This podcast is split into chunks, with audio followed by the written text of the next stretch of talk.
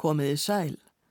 Á þessu ári eru liðin hundrað ár frá fæðingu mezzosopran söngkonunnar Sigurvegar Hjaltesteð sem var ein af okkar merkustu söngkonum á síðari hluta 20. aldar. Hún var hluti af kynnslóð sem stundum hefur verið kölluð gullkynnslóð íslenskra söngvara, kynnslóð sem státaði af söngvurum eins og Guðmundi Jónssoni, Guðrún á Símonar, Þurriði Pálsdóttur og Kristni Halsinni, svo fáinir séu nefndir. Í þessum þætti verður söngferill Sigurvegar lauslega rakinn og leiknar hljóritannir með sönghannar. Þátturinn hóst á því að Sigurveg söng í dag skein sól, lag Páls Ísolssonar við ljóð Davíð Stefánssonar og Ragnar Björnsson leik með á piano, hljóritun frá 1962. Sigurveig fættist á Öksnalæk í Ölfusi 10. júni 1923. Foreldrarennar voru bændafólk og þegar Sigurveig var fjögur ára fluttist fjölskyldan að vatnsenda við Elliðavatn.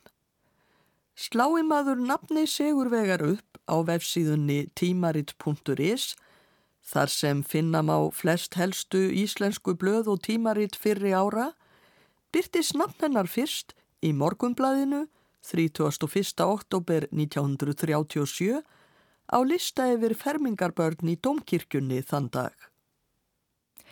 Sigurveig Hjaltistett, Vassenda.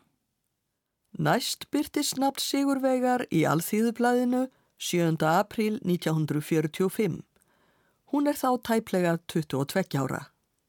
Í dag verða gefinn saman í hjónaband af sér að Garðari Svavarsinni, ungfrú Sigurveig Hjaltestedt Vassenda og Ólafur Beintinsson Verslunamadur, Vestugötu 26b. Ólafur Beintinsson var ekki aðeins verslunarmadur, heldur líka tónlistarmadur.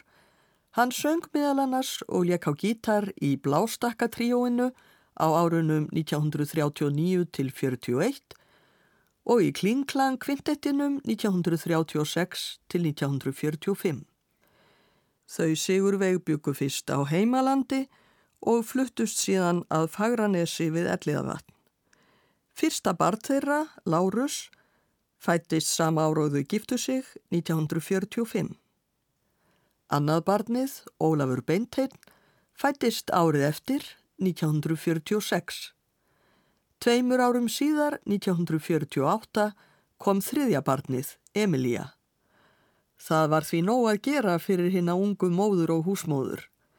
En samt vantaði ekki sönglíf á heimilinu, þar sem bæði hjónin voru söngvinn og höfðu áhuga á tónlist.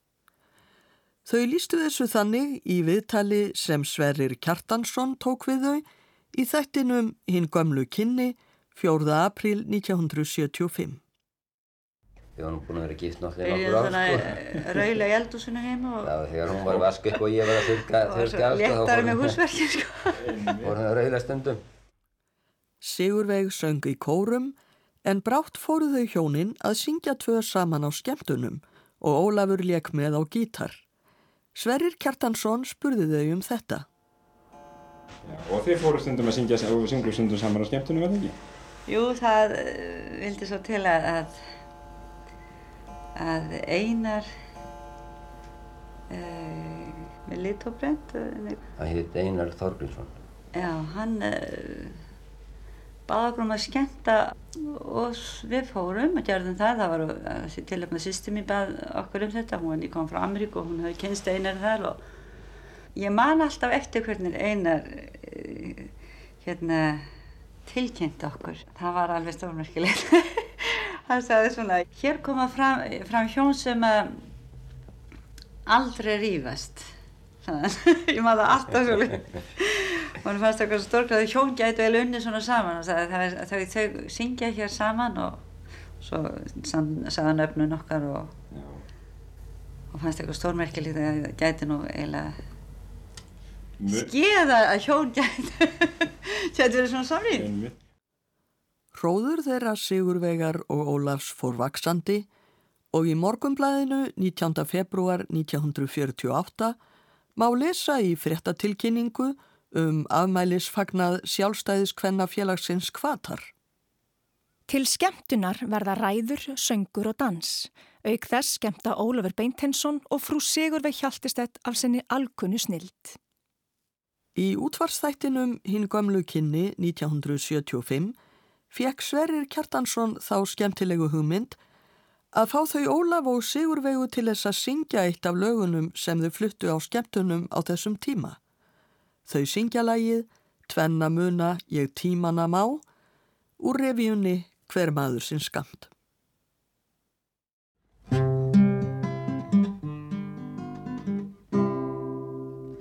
Tvenna muna ég tímana má Ég var stúlka svo lítil og svo smá.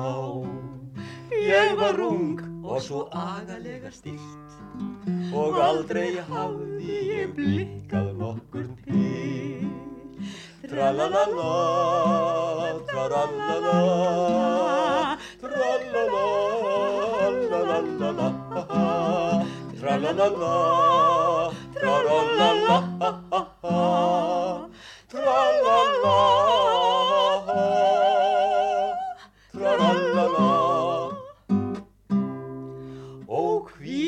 sæla mitt sextanda ár. Sólinn gisti mitt fívilgula hár. Og hvorki þekkti ég sorg eða sorg. Og ég gætt sofið á morgnana út. Tralalala, tralalala, tralalala, tralalala, tralalala,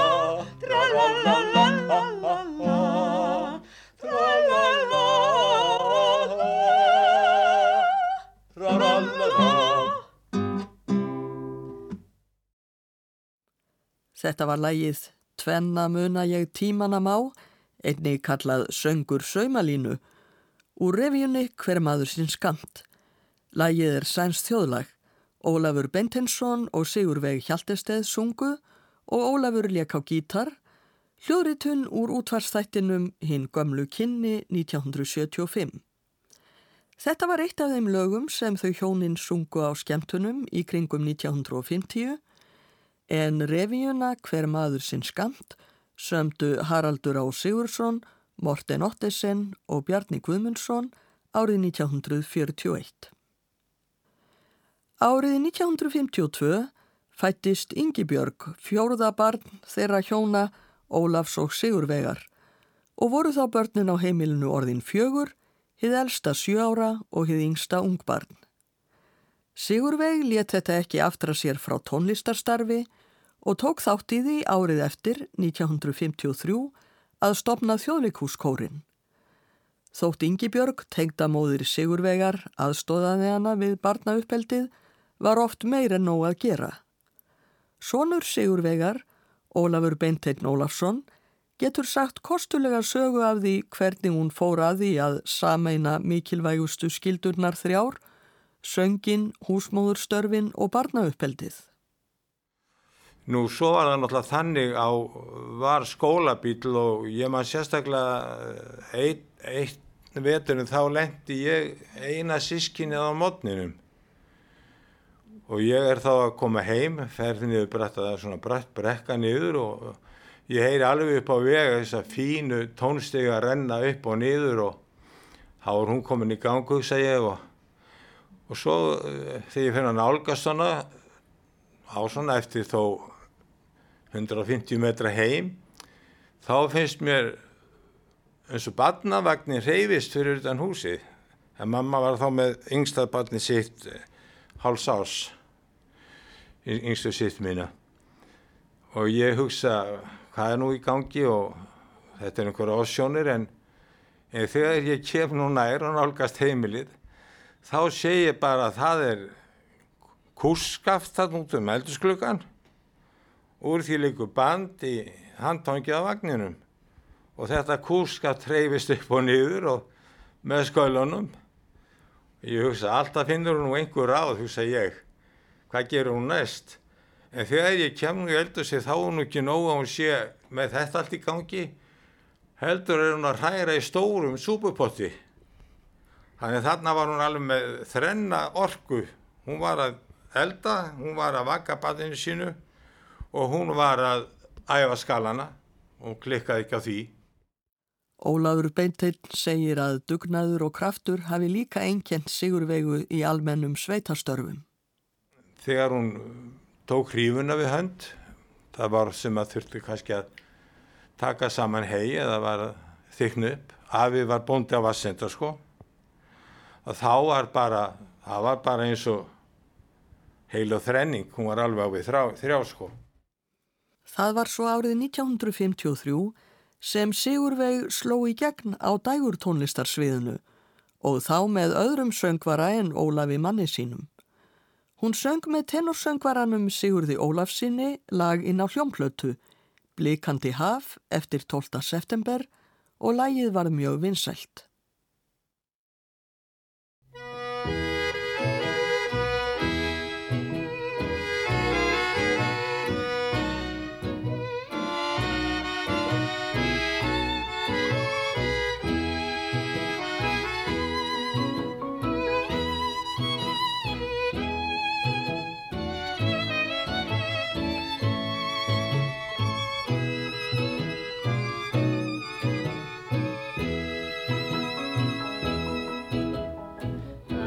hvað það er dásamlegt að dansa hér. Dansa við.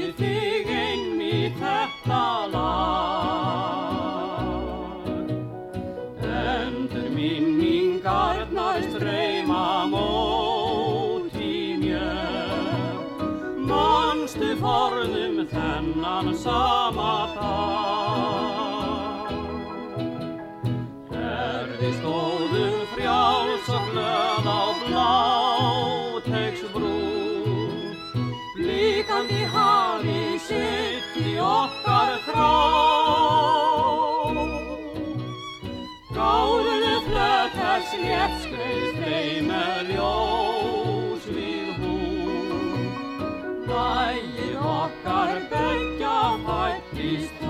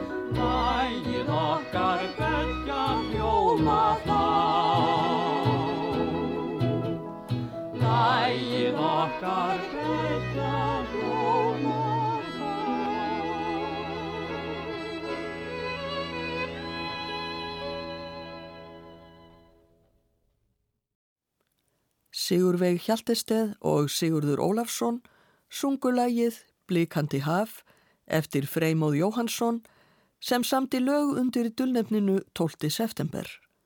Hljómsveit Karl Spillich leik og Karl Billich útsetti lægið. Sigurveig söng nokkur fleiri dægurlög inn á plötur en árið 1955 beindust sönghæfileikar hennar fyrir alvöru inn á klassíska braut. Það ár hóf hún söngnám hjá ítölskum tenorsöngvara sem var nýfluttur til landsins, Vincenzo Maria Demets, en hann gerðist síðar íslenskur ríkisborgari og kallaðist eftir það Sigurður Demets Fransson. Ólafur Beintinn, sonur Sigurvegar, segir þannig frá. Málið það að þegar mamma var að byrja þá var hún búin að vera að fara til söngmálastjóra, var það ekki Sýrur Eggjars eða minni mig og síðan fær hún alveg býr í segnin þegar hann Vincent og Demets kemur hér, Sigurður Fransson setna, kallaður. Og þá bara uppgötast alveg nýjir þættir í hennar aðsiði því þá kemur það bara í ljósa hún getur sungið svo langt niður og hún er alveg með tvö aðsið og þetta var rosalega liftistöng því að það vantaði meira sko að messasóbran og svolítið röttum í óperuna hérna. Það var svo mikið að sóbranum til að hún fekkar yfir miklu meira að gera hjá Guðlaugi Rosenkrantz út á þetta Árið 1956 heldu sex nefendur Demets tónleika þar á meðal Sigurveig og fekk söngur hennar mjög góða dóma. Gaggrínandi alþýðublaðsins segir erfitt að skera úr um hæfileika söngvaranna þar sem þau hafi engöngu sungið erlendlög. Verður því ekki gerð tilraun til að reykja framistuðu einstakra nefenda en þess má geta að Sigurveig Hjaltesteð verðist hafa mjög fallegan mezzosopran og syngja af smekkvísi.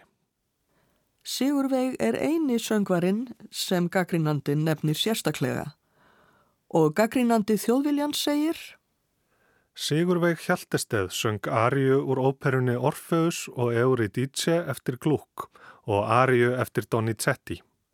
Hún hefur fallega og breyða mezzosopran rött, vel sveianlega, tókst henni engum vel upp í henni undurföru Ariu Glucks, Ke Faro Senza Euridice.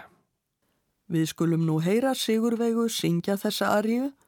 Hljóriðtunin er gerð árið 1963, sjö árum eftir að nefenda tónleikarnir fóru fram.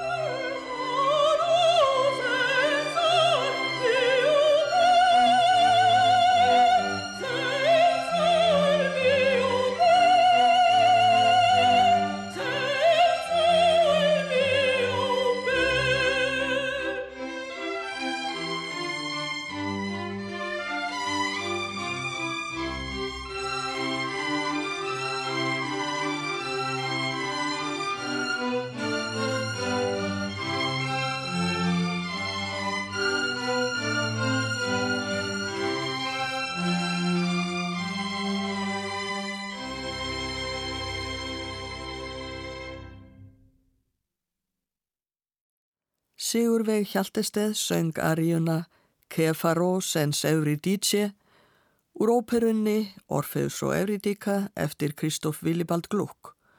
Útvarsljósvitinn leik og bótan Mótískó stjórnaði. Þessi hljóðritun var gerð 1963 en nefnda tónleikar Sigurðar Demets sem fjallað var um hér á undan fóru fram 1956. Þess má geta að yngri sýstir Sigurvegar, Yngveldur Hjaltesteð, lærði einnig hjá Demets og varð líka afbræðaskóð söngkona. Fleiri tónlistarmenn voru í fjölskyldunni en ekki verða þeir allir taldir hér. 1957 fekk Sigurveig hlutverk einnar af þernum næturdrottningarinnar í óperunni Tauraflautunni eftir Mozart sem sett var upp hjá þjóðleikúsinu. Söngur hennar heyrðist sífelt víðar, hún söngi í útvarpið og tók þátt í tónlistarkabarettinum Syngjandi Páskum 1958. Um jólin 1958 söng hún hlutverk Bertu þegar þjóðleikúsið síndi óperuna Rakaran í Sevilla eftir Rossini. Árið 1959 var ópera Verdis, Rigoletto, flutt í konsertformi og fór Sigurveig þá með hlutverk Maddalenu. Ekki nóg með það, hún söng þrjú smá hlutverk að auki og fekk góða dóma fyrir framistöðu sína. Sama ár söng hún hlutverk Nóvelsku greifafrúar í operettunni Betli-stúdendinum eftir Milökker hjá þjólikúsinu. Ólafur Beintinn, svonur Sigur Vegar, segir að fyrstu árin sem hún söng í óperum í þjólikúsinu hafið það gert henni bísna erfitt fyrir að vera búsett upp í sveit. En það var náttúrulega ólíkt hlutskipti hjá mömmu og þessum kollegum hennar eftir síningar því að þá fór það nú oft nýri þjóðlúskjallara ég gerði það nú sjálfur því ósúgrassi, það var mjög gott að koma þar á barinn og þá er ekkert annað en það að þegar það storma nú niður að slappa af eftir átökin þá var hún að taka strykið í lækjabotnavagnin og hafði ekki einu sinni alltaf tíma til að taka sminkið af sér. Kom þarna upp sminkuð inn fólk bara svona gafti og þá var keirt og upp á Rauðavatni, hann fór allavega vagnir upp á Laugbergin eittar þú mannst nú kannski hvar það stóð þarna við Laugbergsbrekkuna. Það, það skiptir ekki öllu. Það var efsti bærið þarna í Rauðinni en þá var ekkit annað það þá átt hún eftir að lappa 5 km heim. Og þetta gerði hún ofta alveg í aftaka veðri. Og jafnvel með snjóin þá uppi mitti oft og jafnvel herra. Og svo stundum gæti verið slagviðu líka. Það var bara hvernig hitti á það. Pappi fór nú þá stundum á mótenni því að við vorum bílaus þá og það munaði rosalega miklu fyrir okkur þegar að við fengum bíl 1959 fluttist fjölskyldan til Reykjavíkur og var þá hægara um vik fyrir söngkonuna að stunda starfsitt. Árið 1960 var óperan Rigoletto eftir Verdi sett á svið hjá þjóðlikúsinu og fekk þá Sigurveig aftur hlutverk Maddalenu. Guðmundur Jónsson söng hlutverk Rigolettos en í hlutverki hertogans af Mantúu var engin annar en hinn heimsfrægi sænski tenorsöngvari Nikola Jetta. Kristinn Hallsson söng líka í síningunni Í æfiminningum hans, sem Pál Kristinn Pálsson skráði, segir Kristinn að móðir Jetta hafi verið með honum og hafi verið hálf skrítinn í framkomu. En Nikola Jetta var sjálfur hinn elskulegasti og hafi gaman af að spjalla. Það lindi sér ekki að hann var sérstaklega hrifin af Sigurvegu Hjaltesteð, bæði sakir fegurðar hennar og góðrar söngrattar. Það var í loka þætti óperunar sem Sigurveg söng á móti Jetta. Til er hljóðritun af óperuflutningnum frá 1960 og getum við því heyrt þau syngja saman. Hertógin er stattur á skuggalegri krá þar sem hinn fagra Maddalena gengur um beina. Þar sem hertógin er afar kvensamur, dadrar hann við Maddalenu en hún lætur sem hún taki ásleikni hans ekki alvarlega. Fyrir utan húsið eru hyrðfýblið Rigoletto og dóttir hans Gilda og fylgjast með öllu innum gluggan. Hertogin hefur áður svarið Gildu ást sína en hún sér nú sveik hans greinilega. Þetta er kvartettinn Bella Figlia dell'Amore, fagra dóttir ástarinnar. Hertogin byrjar með því að ávarpa Maddalenu á þennan hátt. Svo heyrist Maddalena, það er að segja Sigurveg, svara með orðunum Aha, rít og bendi kori. Haha, ég hlæ bara. Það er ekki mikið að marka svona fagurgala. Sópransöngkonan Stína Britta Melander er í hlutverki Gildu sem heyrist Harma Svig Hertogans og Guðmundur Jónsson er í hlutverki Rigolettos sem reynir að róa dóttur sína.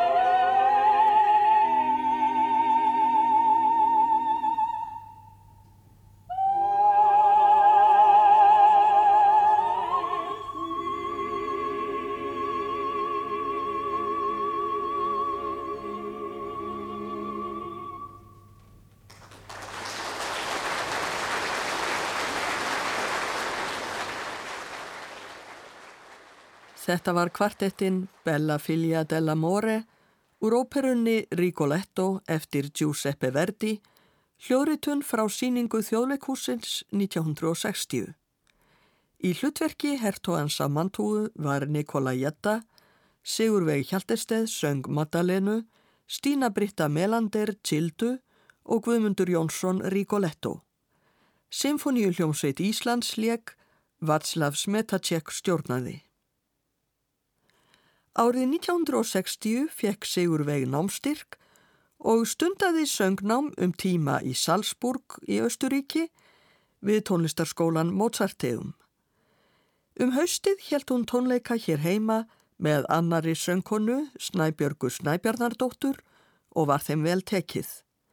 Sent í november kom Sigurveig fram á tónleikum á vegum tónlistarfélagsins á Akureyri á samt tenorsöngvaranum Árna Jónssoni.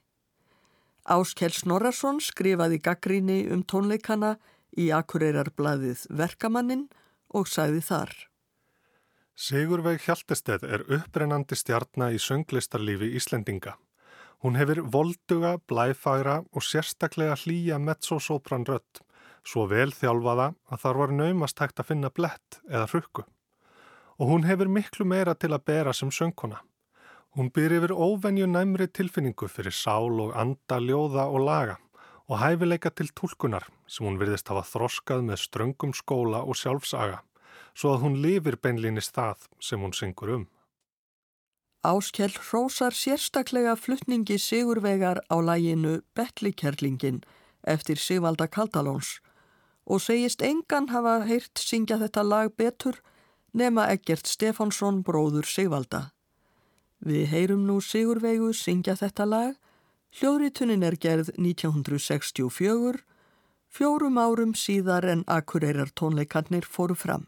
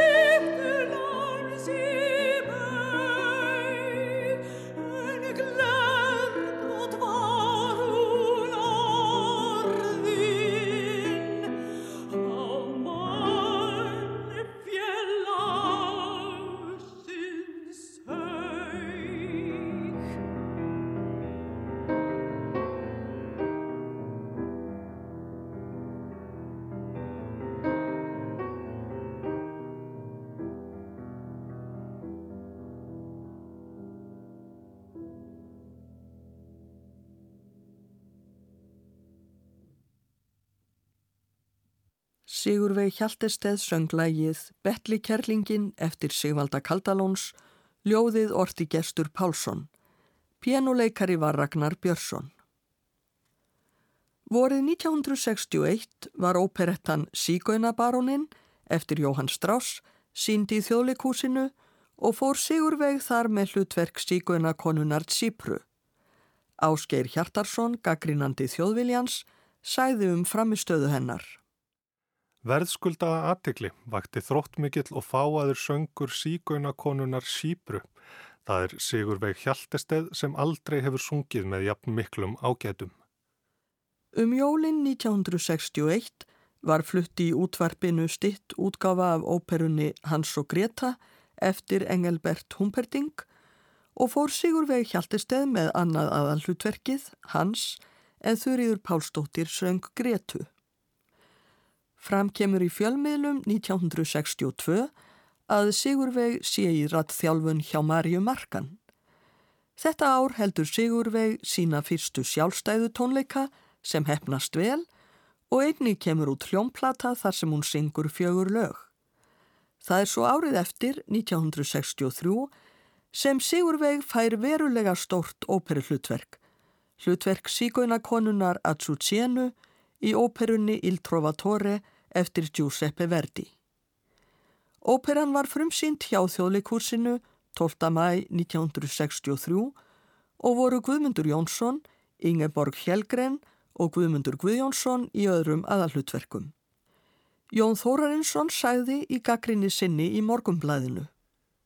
Litrikasta persóna óperunar og kannski þakklátasta hlutverkið er síkaunakonan Atsuchena sem leikin var af Sigurvegu Hjaltesteð. Hún vann hér sinn stærsta sigur til þessa.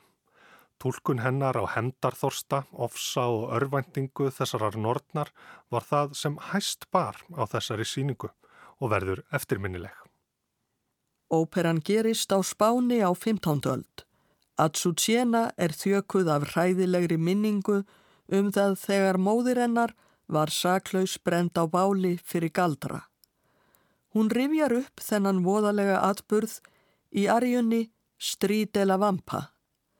Við höfum ekki hljóðritun frá síningu þjóðleikúsins 1963 en sama ár Hjælt Sigurveig tónleika í Borgarbíói á Akureyri og söng þar meðal annars Arjuna Strídela Vampa.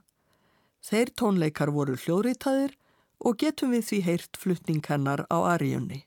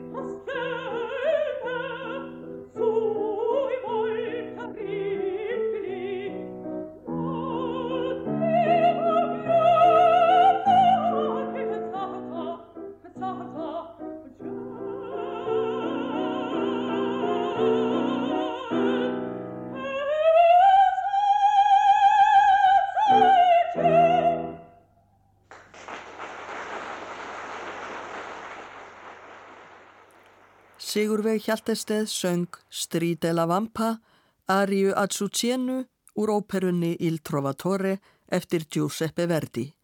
Ragnar Björnsson var við pianoið. Þetta var hljóðritað á tónleikum í Borgarbíói á Akureyri 25. mæ 1963, sama ár og Sigurveig söng hlutverk Azucienu í þjóðleikúsinu. Sigurveig fekk styrk til söngnáms 1963 og árið 1964 stundaði hún söngnám í München. Nó var að gera næstu ár. Sigurveig var einn af fjórum einsöngurum þegar Symfoníu hljómsveit Íslands flutti nýjundu Symfoníu Beethovens í februar 1966. Í mæ sama ár frumsýndi þjóðleikúsið óperuna Ævintýri Hoffmanns eftir Jacques Offenbach og söng Sigurveig þá Niklaus Vinn Hoffmanns. Um jólinn síndi þjóðleikúsið aðra óperu, Mördu eftir Frídrík von Flotov og þar söng Sigurveig einnig stórt hlutverk, Nancy vinkonu Mördu. Fram að þessu hafði þjóðleikúsið rægt samvisku samlega, hið lögbóðna hlutverk sitt, að sína óperu einu sinni á ári. En eftir 1966 fór óperusýningum þar fækandi. Sigurveig söng hins vegar hlutverk heiðu í óperunni Meiaskemmunni eftir Sjúbert og Berti árið 1968 þegar ríkisútvarpið létt flytja óperettuna. Sama ár setti félagið óperan upp óperu eftir Jósef Haydn, Apotekaran eða Lo Speciale og fór Sigurveig þar með hlutverk Volpínos. Árið 1969 var loks aftur sett á svið ópera í þjóðleikhúsinu. Það var brúðkaup Fíkarós eftir Wolfgang Amadeus Mozart og söng Sigurveig hlutverk Marcellínu. Um framistöðu hennar sæði gaggrínandi tímans Unnur Arnósdóttir. Hún hefur bæði sviðsöryggi og rött sem fellur vel að hlutverkinu og nutu þessir kostir sín vel í ariu fjörðatháttar Il Cabro e La. Á næsta áratug 1970-79 fækkaði óperusýningum þjóðleikhúsins enn meir og hafði það í för með sér að Sigurveig kom sjálfnar fram á óperusviðinu. Enguða síður má sjá nafn hennar í blöðum hvað eftir annað. Hún syngur á tónleikum og skemtunum, stundum með Guðmundi Guðjónssoni tenorsöngvara. Hún kennir söng 1975 fer hún að kenna við söngskólan í Reykjavík þar sem hún starfar um árabil og oft má heyra hann að syngja í útvarpið. 31. ágúst 1977 er flutti í útvarpinu hljóðritt gert nokkrum árum áður þar sem Sigurveig syngur lög eftir Sigfús Haldorsson. Af því tilefni er stutt við tal við Sigurveigu í dagblæðinu og hún er spurð hvort hún sé að syngja um þessar myndir. Hún svarar. Nei, ég er að slappa af núna fyrir veturinn. Ég verð að kenna í söngskóla Reykjavíkur í vetur og leita nýju röttum til að taka við af okkur þessum gömlu. Sigurveig helgaði kennslu og kórstjórn krafta sína í æmeiri mæli eftir því sem árin liðu. Síðustu starfsár sín kendi hún við tónlistarskóla Árnessíslu og stjórnaði einni hörpukórnum á Selfossi. Árið 2007 var hún sæmt íslensku fálkaorðinni fyrir tónlistarstörf sín. Sigurveig lést 20. júli 2009, 86 árað aldri. Við ljúkum þessum þætti með því að hlýða á Sigurveigu syngja lagið Þá uksu blóm eftir Sigfús Haldorsson sem einni leikur á piano, ljóðið orti Vilhjálmur frá Skáholti. Ég þakka hlustendum áhernina verði sæl.